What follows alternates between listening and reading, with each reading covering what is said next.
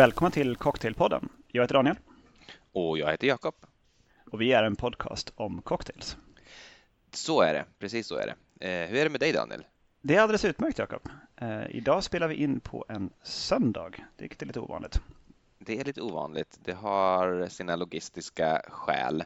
Det kanske vi inte behöver fördjupa oss i, inte för att det är några hemligheter, men det är inte heller speciellt intressant tror jag för lyssnarna. Men något som kan vara intressant för lyssnarna, som definitivt var intressant för oss, det var ju att vi faktiskt sågs eh, utanför Skype eh, häromveckan.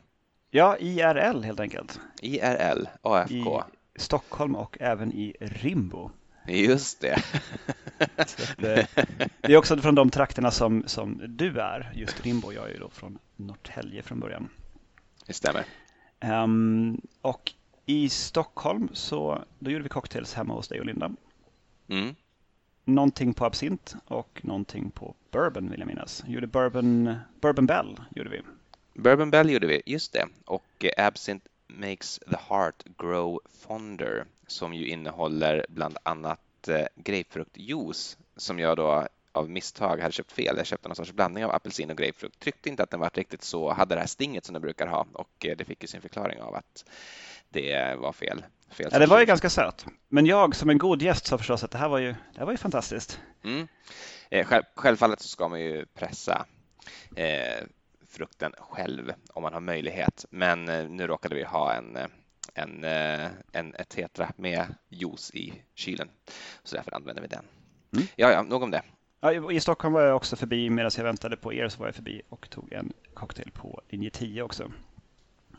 Just det. Precis, precis när de hade öppnat så det var ganska lugnt och det inte kommit så mycket folk. Det kan ja. bli ganska brötigt i den lokalen när det är större grupper som, som är. Om man, det är svårt att sitta i baren för det har massa folk bakom ryggen på sig som liksom rör sig.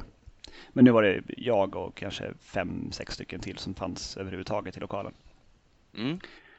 Så jag pratade lite grann med han som stod eh, bakom baren och han berättade lite sådär kort om eh, deras isprogram och sådär. Hur isen kommer till lokalen. De har någon annan lokal där de fryser is i stora 25 kilos block som sen kommer dit färdigsågade. Eh, och sen så behandlar de dem ytterligare. De skär ju alltid till isen lite grann innan de lägger den i glaset. Jag vet inte om det mest är för, för show eller för att det faktiskt gör någonting.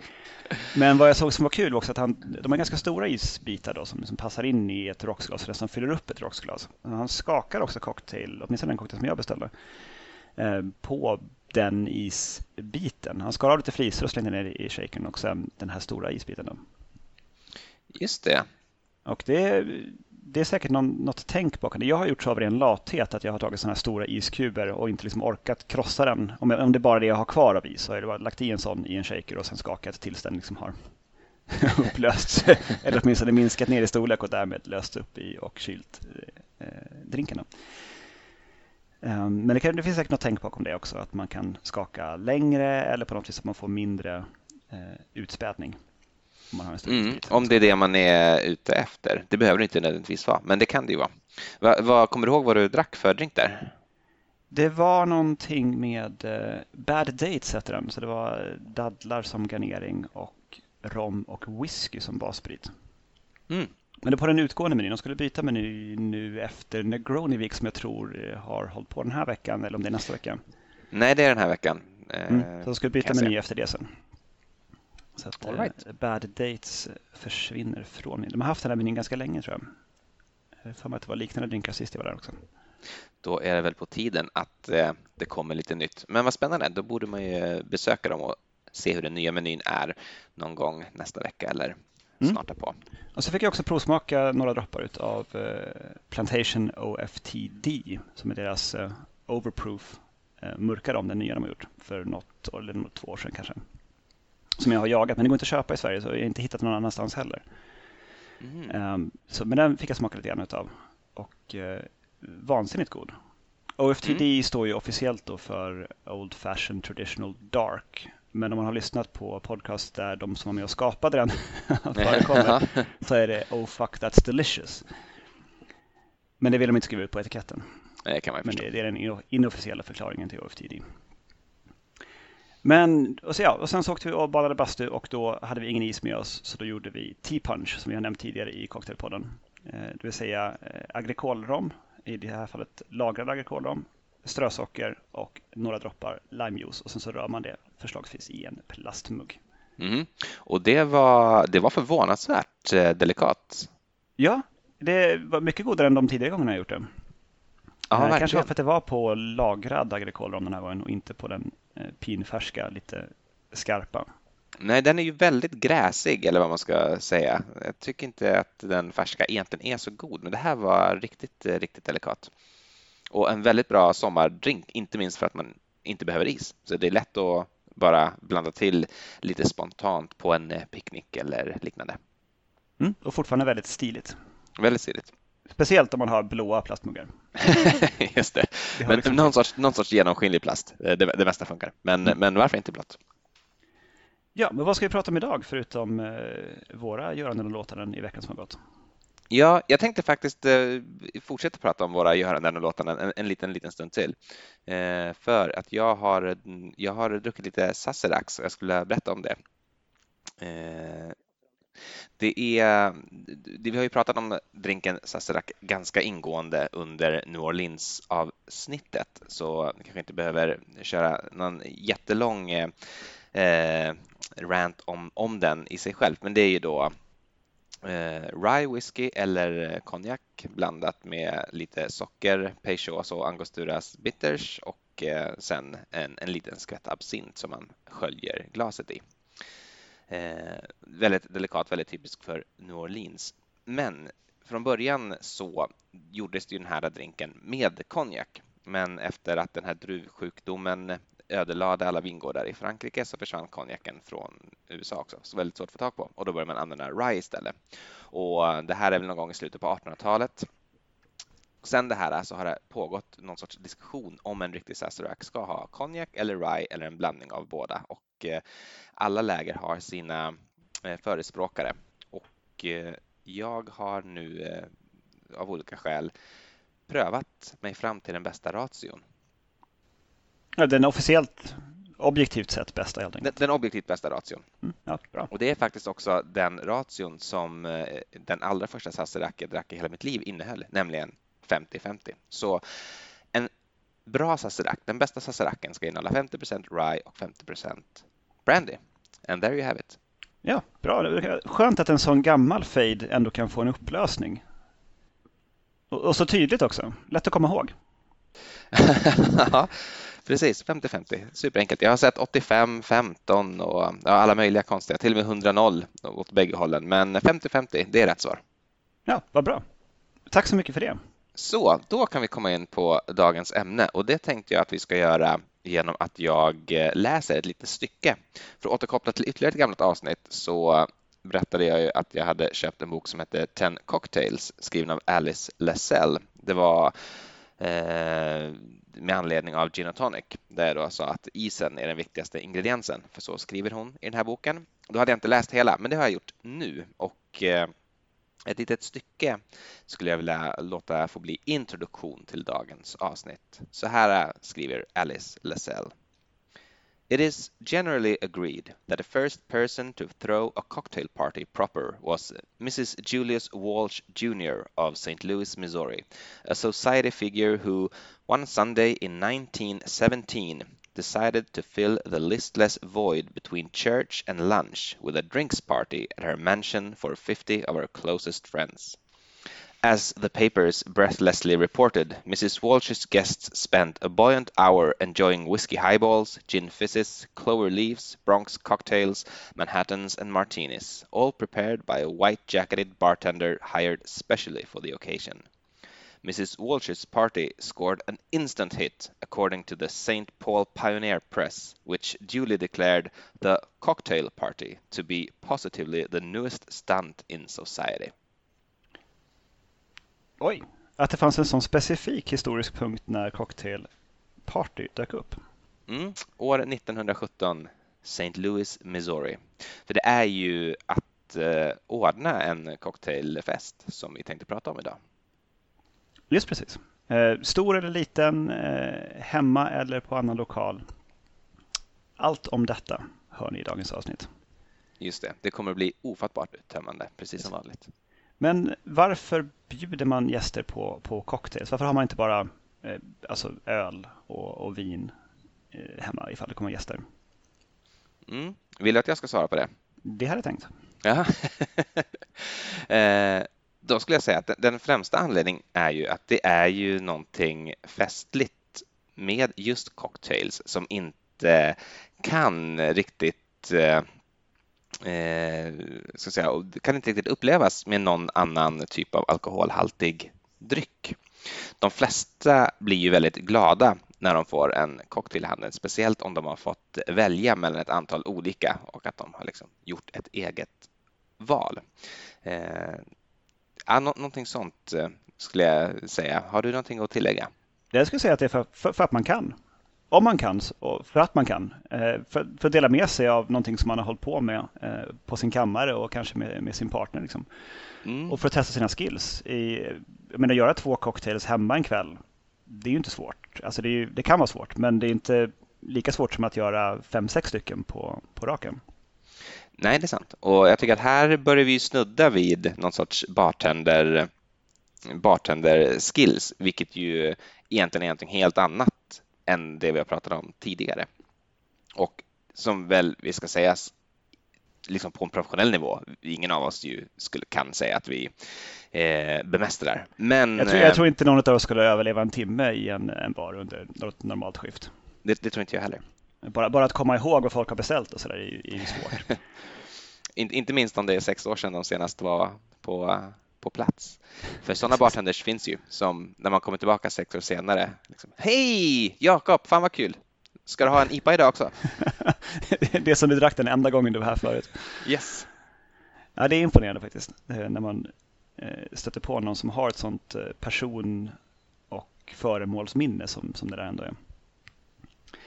Men saker att tänka på när man ska ha folk över på cocktails. Om det så är att man ska ha en, en middag hemma och vill bjuda på cocktails innan det eller efter det eller om man ska ha lite större fest ska jag säga det, det enskilt viktigaste är att, att ha någon form av skriven meny för att begränsa urvalet. Alltså, jag säger liksom att, vill du ha en cocktail? Det är väl en ganska öppen och lite besvärlig fråga. Liksom att det är inte alla som har en favoritcocktail eller vet specifikt vad de vill ha. Och det finns hur många cocktails som helst att göra och har du ett ordentligt spritförråd så finns det också väldigt många kombinationer som du kan få ihop. Så att begränsa är bra. Men vi kan komma tillbaka lite grann till meny och utformningen av den lite senare i avsnittet. Mm. Eh, kalla glas är väldigt viktigt. Det är något som man håller på mycket med i, eh, i kommersiella barer. Eh, och antingen då att man har glasen kallt stående i frys om möjligt, i kyl om man måste. Mm. Jag skulle säga det som inför en, en kväll där du vet att du ska servera eh, flera cocktails än vad du brukar göra. Gör plats i frysen. Flytta eventuellt större matföremål till en, en kylbox och några kyrklampar eh, under kvällen och lägg tillbaka sen när, när kvällen är över. Eh, under kvällens gång, om du inte har så många cocktailglas, vilket man inte nödvändigtvis har, så ta glasen så fort de är eh, urdruckna, skölj ur dem, diska dem och sen medan de fortfarande är blöta, ställ tillbaka dem in i frysen för att den här fukten på glasets yta kommer att kyla glaset snabbare genom avdunstningen då i frysen. Ah, vad smart. Det har inte jag tänkt på, men så är det ju såklart. Mm, så om jag, även om man har ett, ett, rent glas som kommer rakt ur skåpet så är det bra att skölja lite snabbt. Eh, gärna bara på utsidan då, så man som får, eh, inte, inte får is fryst på insidan av glaset. Det, det gör inte jättemycket det heller. Eh, om man får någon, någon liten iskristall på insidan, det tycker inte jag riktigt påverkar så mycket. Men då, då går det betydligt snabbare istället för att det kanske tar en eh, 10-12 minuter att få ett glas helt genomkylt så kanske det går på halva den tiden. Um, eller kylglasen med is och vatten. Alltså lägg is, gärna i så små bitar som möjligt, i glaset, fyll upp med vatten och rör om eh, medan du gör cocktailen. Alltså, så att det står där med en vatten och isblandning. Det funkar ju ganska bra, men det, är ju också, det kräver ju att man har oerhört mycket is om man ska kunna använda isen eh, till att kyla mm. glas. Så frågan är... Det är också min nästa punkt. Ja. okay. Frys in is. Frys in jättemycket is. Frys in mycket, mycket mera is än vad du tror att du kommer att behöva. Eh, har du inte möjlighet att frysa in så mycket, alltså, vet du om att du ska ha folk över på lördag och idag är det, liksom, är det söndag eller måndag. Börja frysa in, alltså använd de isformar du har och morgon och kväll töm ur dem i en, eh, en bunke och bara fyll på, fyll på, fyll på eller lägg över i påsar. Eh, och se till så att du har så mycket is som du bara kan eller inför själva kvällen köp is. Det funkar ju det också. Um, så det, det, är ju det. Och då har man ju då också is till att kunna kyla glas. Och det gör man ju ofta i barer också. Uh, där man liksom inte har kyl eller frysmöjlighet för själva glasen. Vilket det är ju begränsad plats bakom en bar. Så då fryser man eller kyler man ofta glaset medan man gör själva cocktailen. Då. Just det. det och det, det, gör väldigt mycket också för livslängden på en, en cocktail. Att glaset i sig är kylt. Om det inte är så att man har ett, eh, en drink som är on the rocks eller om den byggs i glaset. För då spelar det inte så stor roll. Precis, det där kommer vi nog kanske att nudda lite grann igen när vi går in lite djupare på menyerna. För det, där, det finns ju olika typer av drinkar tycker jag som lämpar sig olika väl när man ska eh, stå och blanda dem för många gäster hemma i köket. Men eh, det, vi, vi kommer in på det. Mm. Nästa punkt som jag har tagit med är yta. Se till så att du har plats där du ska göra cocktailsen. Så att eh, helst mer än halva köksbänken eller hela. Så flytta undan kaffebryggare och flytta undan andra saker som står i vägen så att du har gott om plats för flaskor och skärbräda, mått, shaker, strainers, barsked eller någonting annat att röra med. Eh, och se till så att du har närhet till vatten, alltså någonting att skölja eh, shaker och andra glas och sånt med. Sen nästa punkt som jag säger är liksom att skaffa det du behöver till drinkarna. Gör simple syrup eh, om du ska ha det i drinkarna. Eh, köp in andra mixer om du behöver det. Och mycket av sånt är sånt som håller ganska länge som man kan ha hemma ett tag också. En simple syrup håller ju eh, längre än vad den, den räcker att ha i kylen. Absolut. Så är det verkligen. Men jag tänker eh, alltså färskpressade juicer och så. Hur, hur tänker du kring att förbereda, förbereda sånt? För det kan ju inte stå jättelänge. Det faktiskt så har man eh, nu från Tales of the Cocktail, man har gjort en, eh, en undersökning där man har gjort blindtester på olika länge som citrusjuicer i drinkar har fått stå innan man gjorde drinken. Mm. Och där har man kommit fram till, lite förvånande faktiskt, att det är mellan 4 och 10 timmar är de som bäst efter pressning. Och det går lite grann emot konventionell visdom. Eh, där man ser det som att, ja, men, och så jag själv tänkt också, att det är bättre att använda dem direkt. Låt dem för guds skull inte stå. Alltså jag har ju pressat citronjuice innan jag ska ha mycket folk över. Men då har jag gjort det kanske en timme innan folk kommer. Och eh, sådär fine strainat upp i en flaska så att man får bort eh, fruktkött och sånt. Men eh, det här då, alltså i, i, i smaktester som man fått fram att det, det blir bättre rent smakmässigt i cocktailen och det förklarar man då med att det finns en enzymatisk reaktion där någonting som kallas för limonoider som finns i eh, den pressade citrusjuicen över tid mm. kopplar ihop sig och skapar en, en mild bitterhet i juicen som i sin tur tar udden av syraskarpa toner. Det som är en ganska en platt syra helt enkelt som kan finnas som en överton i pressad juice. Så att de här bitterämnena eh, Eh, tar, liksom, tar, un, tar undan lite grann av det och gör det till en mer behaglig helhet. Um, och Det är lite spännande tycker jag. Sen efter tio timmar, då, liksom, då, för det fortsätter bli bittrare och bittrare ju längre det står. Så att då efter tio timmar så då, där går det bara utför. Så att det, med den här liksom matematiken så går det alldeles utmärkt att pressa i god tid innan. Eh, inte dagen innan dock, för då går det ju över tiden och då blir det dåligt. Så du ska ju göra det samma dag, men absolut, det gör ingenting att, att göra det. Det, här, men det, det förvånar nog många tror jag. Ja, det förvånar mig. Det förvånar mig verkligen. Så att eh, pressa i god tid, det är inget problem. Gör det. Cocktailpodden säger kör. Ja, bra, jättebra. Jag hade ingen aning. Men vad, vad, gud vad behändigt. Jag har ju också levt efter devisen att eh, ju färskare desto bättre. Även bara liksom tio minuter har jag tänkt, eh, då kan vi lika gärna slänga det. För eh, då, då har den Det har han också gjort någon gång. Eh, stale. Den har stått i ett glas på, på bänken där, så nej men, nej men den här kan jag nog inte använda längre. Den har liksom så här skiktat sig lite grann som juice gör efter ett tag. Mm. Och iväg med den och pressa nytt. Det är helt meningslöst. Men vad bra. Ja, och sen en sista poäng som det kanske är värt en hel episod i sig, men att man kan också batcha hela eller delar utav cocktail så att man kan förbereda blandningar i god tid innan och lägga på flaska som man sen kan antingen göra dem helt klara och då får man ju tillsätta vatten utöver själva ingredienserna för att simulera att man har skakat cocktailen. Så någonstans runt 25-30 procent av vätskemängden i extra vatten får man tillsätta då till flaskan. Mm. För det är det som normalt sett löser upp sig i drinken av isen då, när man rör eller skakar. Men man kan ju också förbereda bara det man normalt sett hade lagt i shakern. Man kan ju förbereda den blandningen och sen eh, hälla upp rätt mängd i shakern och skaka med is eller röra med is. Och sen servera till, till den som ska ha drinken. Då. För att slippa liksom stå och mäta live. Det är nästan det jag skulle förespråka. Dels därför att det blir lättare, tror jag, att eh, det, blir, det kommer bli rätt eh, utspädning, men också för att det finns för gästen en, ett stort mervärde i att eh, se sin drink skakas och hällas upp. Ehm. Ja, framförallt att höra cocktailshakern. Mm.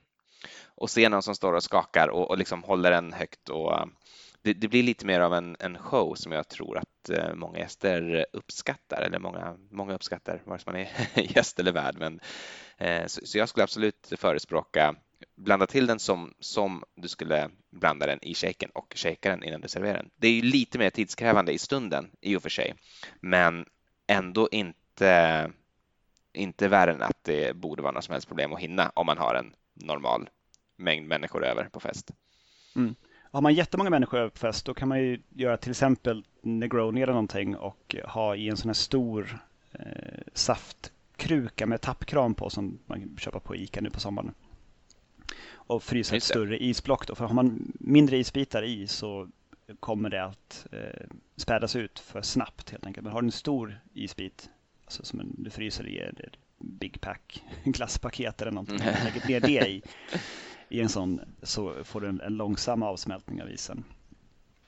Eh, och då funkar det alldeles utmärkt. Även det, om du, ser om du har liksom 15-20 pers över, då kan det vara bra att ha någonting sånt stående så folk kan förse sig själva. Och så kan du skaka några andra cocktails.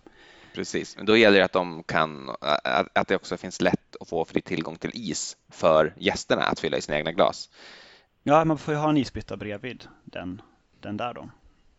Och den måste man ju se till egentligen med hela kvällen. Du kan inte lägga i all is där från början och sen så för då, det kommer ju bara bli en, en issoppa av det ganska snart, utan det, det, måste man ju gå och fylla på. Men det är ju å andra sidan inte svårare än att jag tror att vem som helst klarar av det och samtidigt hinna umgås med sina gäster. Mm. Sen ska jag säga att 15-20 pers är lite för mycket för någon, någon som oss att göra hemma. Det, det är lite för stor fest att rodda cocktails till. Man kan göra, då kan man ju se det som att man kan göra någon form av välkomstdrink som är en cocktail. Man kan ju förbereda eh, gin, citrus, socker eh, mixen till en French 75 och sen hälla upp den i champagneglas och toppa upp med champagne när gästerna kommer. Just det. Då är det ju en riktig cocktail, eh, men det är som en välkomstdrink istället. Och sen så liksom kan folk förse sig själva utav öl och vin under kvällen. Det, det kan man, men, men, om du tänker att du ändå ska stå och blanda då hela kvällen, eh, vilken, vilken mängd gäster är bra? Vilken är en, en perfekt mängd? Ja, men säg en sex, sju pers kanske något sånt. Mm. Då har man inga problem med att förse dem med, med drinkar och man hinner också prata med, eh, med de som är där. Och det blir, det blir intimt, liksom. man, är, man är kanske i köket eller i, i anslutning till köket. Exakt, för då kan man ju också låta festen egentligen pågå där drinkarna blandas. Så att du kan ju vara med i festen samtidigt som du är värd. Det är ju annars det som en del kanske skulle kunna tycka var lite tråkigt med att ha en cocktailfest för alldeles för många personer är att du i princip inte kommer att kunna delta i festen. Du kommer inte själv kunna stå och sippa på en drink och se cool ut utan då, då måste man jobba ganska hårt eh, om, om, man har 10-15. Men eh, men säg att man har sex, sju stycken, då får man oftast plats i köket där man antagligen blandar till sina drinkar och då är de inte fler heller gästerna än att man kan ha en ganska rolig meny eh, som eh, kan vara ganska ver ver versifierad. Precis, och då, då har du också närheten till vatten om du är i köket. Exakt. Antagligen närheten till frysen också som du kommer behöva hela tiden. Mm. Jag tror egentligen att vi kan kristallisera det till att Cocktailpodden säger ha din cocktailfest så nära köket som du kan.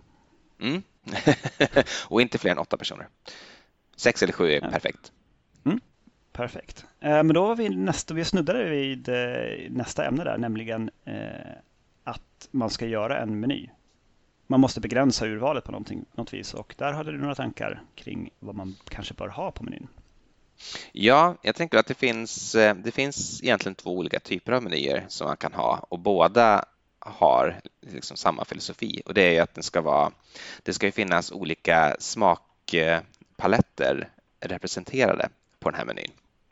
Jag tycker att det ska finnas någonting som är liksom spritigt och starkt, en klassisk liksom cocktail med, med, med bittersocker och sprit, typ en Manhattan, någonting syrligt, någon sorts sour-liknande eh, variant, kanske en eh, Aviation eller en Margarita eller någonting i den stilen.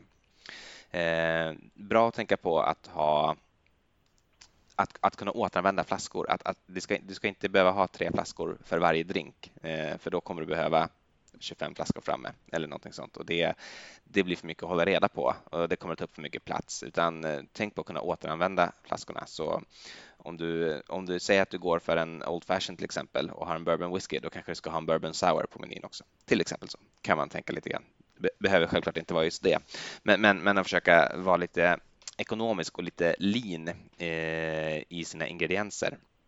Och som sagt, förbered garnish, det vill säga använd typ av garnering som går att förbereda. Och det tycker jag också att zester går att förbereda ganska bra. Du kanske inte kan göra det för hela kvällen innan, eh, men du kan absolut liksom skala ett par citroner och lime och apelsin och låta dem liksom ligga i plastpåsar. Då håller de fukten rätt bra. Ja, plastpåsar eller om man använder fuktat hushållspapper på. Eh, det funkar också så man kan, liksom, kan ta av vartefter. Ja, just det, såklart. Men, men någonting bara som gör att de, att de inte torkar ur på en gång. Men det, det går att ordna utan problem. Mm, jag ska säga oliver och cocktailbär brukar jag låta ligga kvar i sina burkar, men man kan också bara lägga över dem i en mindre skål för att det ska vara lite, lite lättare att få, liksom, få korn på dem med cocktailpinnen. Det ska gå lite, lite snabbare när man ska garnera någonting som ska ha cocktailbär eller oliv. Det ser också lite finare ut. Jag tycker att vi egentligen, det, man ska absolut inte underskatta det visuella heller i den lilla bardelen som man har gjort eh, av köket, utan det, det, gör absolut ingenting om det är lite finare än det brukar. Och det är lite finare tycker jag att hälla upp eh, saker i små vackra skålar snarare än att ta dem direkt i burken. Så eh, det tycker jag absolut man kan göra. Men hur som helst, de här två typerna av, av menyer som jag tänker på är antingen bara Eh, en meny som är alltså inget speciellt. Eh, du kan ha en tequila-drink, en whisky-drink etc. etc. Bara tänka på att smakprofilerna är diversifierade. Eller så kan du ha någon typ av tema, eh, temameny, till exempel att du har en bourbon, du har en bourbonkväll och dina gäster kan få pröva hur olika olika bourbondrinkar kan smaka. Du kan ju ändå göra en väldigt diversifierad drink även om du använder en specifik bassprit.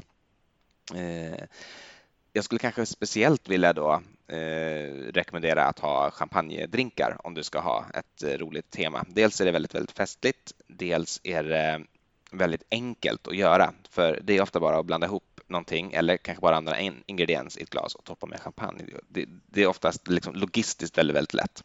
Eh, det är också väldigt lätt för gäster att göra själva om det är till exempel, säg att du har en, ja, men en Kir eller en Cham Cham eller en French 75. Så att om du inte tycker att du vill stå hela dagen i köket så kan du ändå ha en cocktailkväll om du bara har champagnedrinkar. Det är, det är väl lite grann så kring menyer och också som med is. Köp alltid för mycket. Köp för mycket av allting.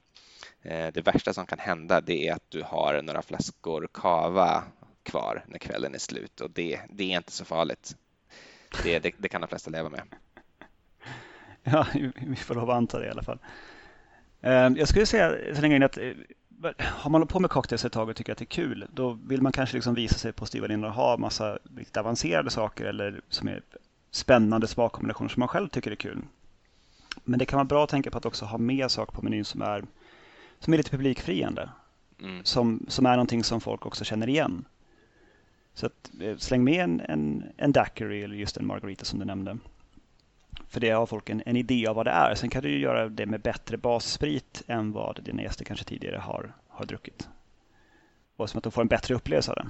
Jag tycker också att det finns ett stort egenvärde i att ha klassiker eller varianter av klassiker. Dels förstås därför att det, det kan få gästerna att känna sig lite duktiga och veta vad det är för någonting de dricker och veta vad de beställer. Men också ifall det är någonting nytt som de eh, upptäcker att de tycker väldigt mycket om så har de ju, då är det ju roligare för dem att kunna beställa det på en annan bar.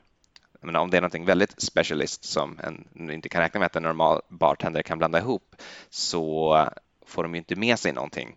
Liksom. Men, men, men om du säger att de för första gången dricker en eh, en eh, boulevard, boulevardier eller liknande och tänka att jösses, det här var det här var, det här var någonting nytt, det här var någonting gott, så är det kul att kunna ta det vidare sen. Så jag, jag, tycker att det finns ett stort egenvärde i att ha allmänt kända drinkar. Om man vill visa det på styva linan så kan man ju slänga in någonting som man har uppfunnit själv också. Eh, som sista. Men, men, jag tycker inte att det ska vara, det ska liksom inte vara en svår meny. Jag tycker inte det finns något egenvärde i det i alla fall. Nej, jag, jag håller helt med. Och eh, sen är det också det är en bra idé om man kan fråga sina gäster innan. Alltså då liksom när man, när man bjuder in dem till, till att komma över. Alltså vad, vad är det du gillar? Vad, och det, det är inte alltid man får svar som är lätta att uttolka till någonting som faktiskt är bra. Men alltså om de inte alls vet vad de gillar i cocktailform då gillar de antagligen en daiquiri. Ja, det, det, får mig förresten... Det, det, är svårt att inte gilla liksom. det, det, får mig, det får mig eh, att osökt kunna berätta vad jag har i glaset här idag. Eh, det är en typ av daiquiri, nämligen. Du ser den va i webbkameran? Är det en Hemingway daiquiri? Nej, det är en daiquiri som är gjord på denna rom, en sorts mangorom som Oj. heter The Brand New Republic Mango. Eh, och det här är en sån vansinnigt publikfriande drink så det kan du inte ana. Den är gjord på då tre delar eh, av den här mangorommen, eh, två delar lime och en del sockerlag som är tjockt, tjockt sockerlag, då, två till en. Och den smakar, ja, men tänk som en, det är, det är som en, en daiquiri som man har smält ner en Piggelin i ungefär. Så smakar okay. den. och jag kan ärligt säga att alla, alla som har druckit den har blivit chockade över att det, det, kan, det kan finnas något så gott.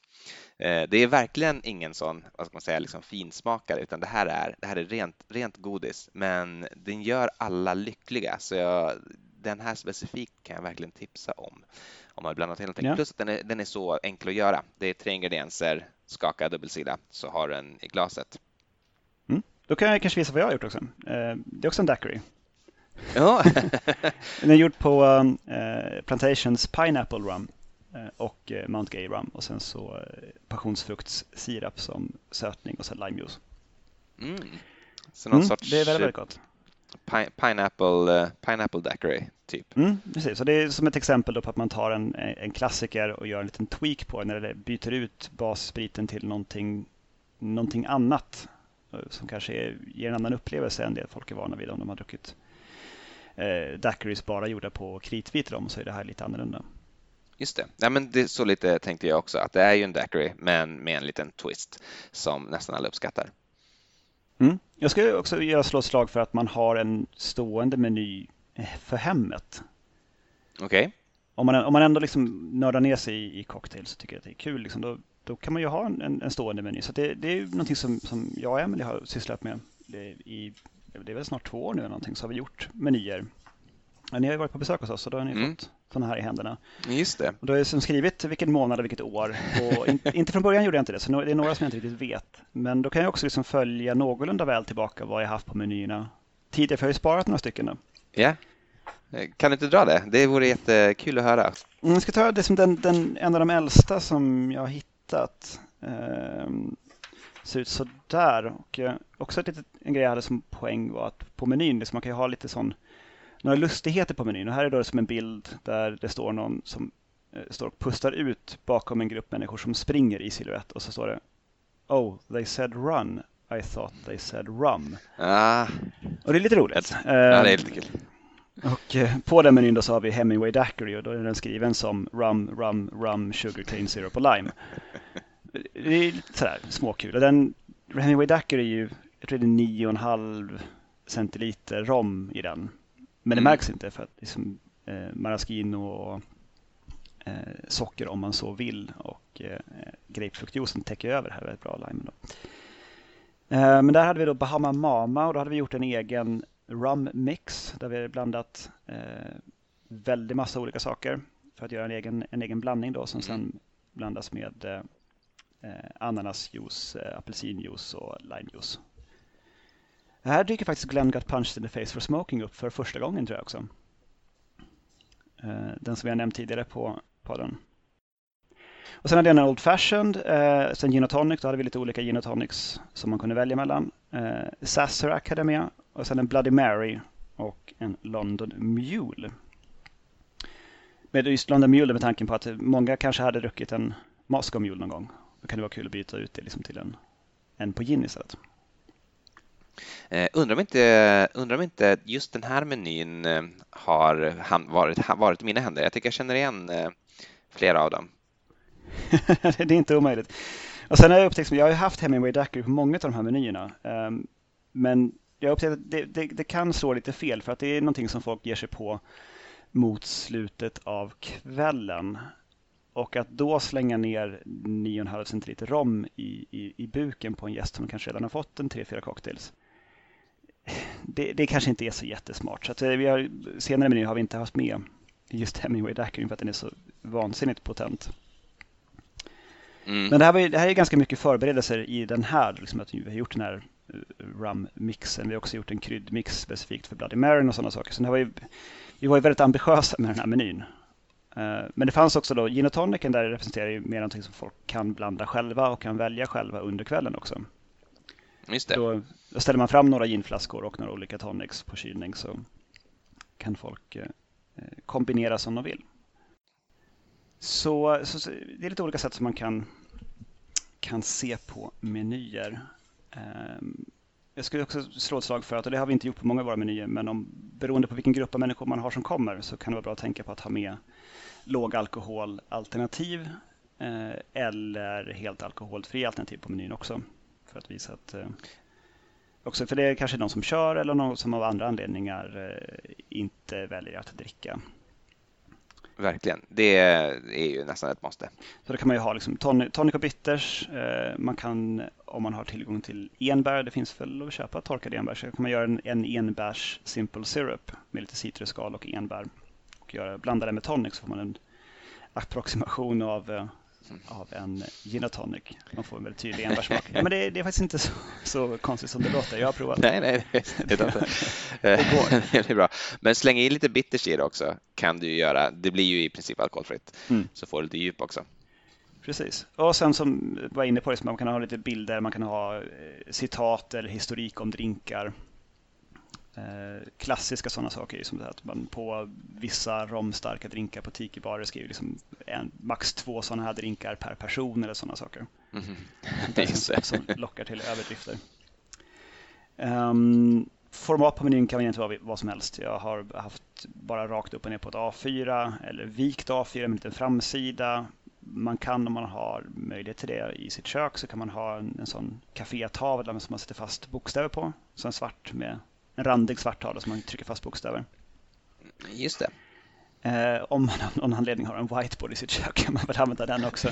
Jag vet inte vem som har så, men det är lite vad som helst. Det, det som passar för eh, stämningen man vill uppnå helt enkelt. Men att det, det finns en meny som man kan ta utav.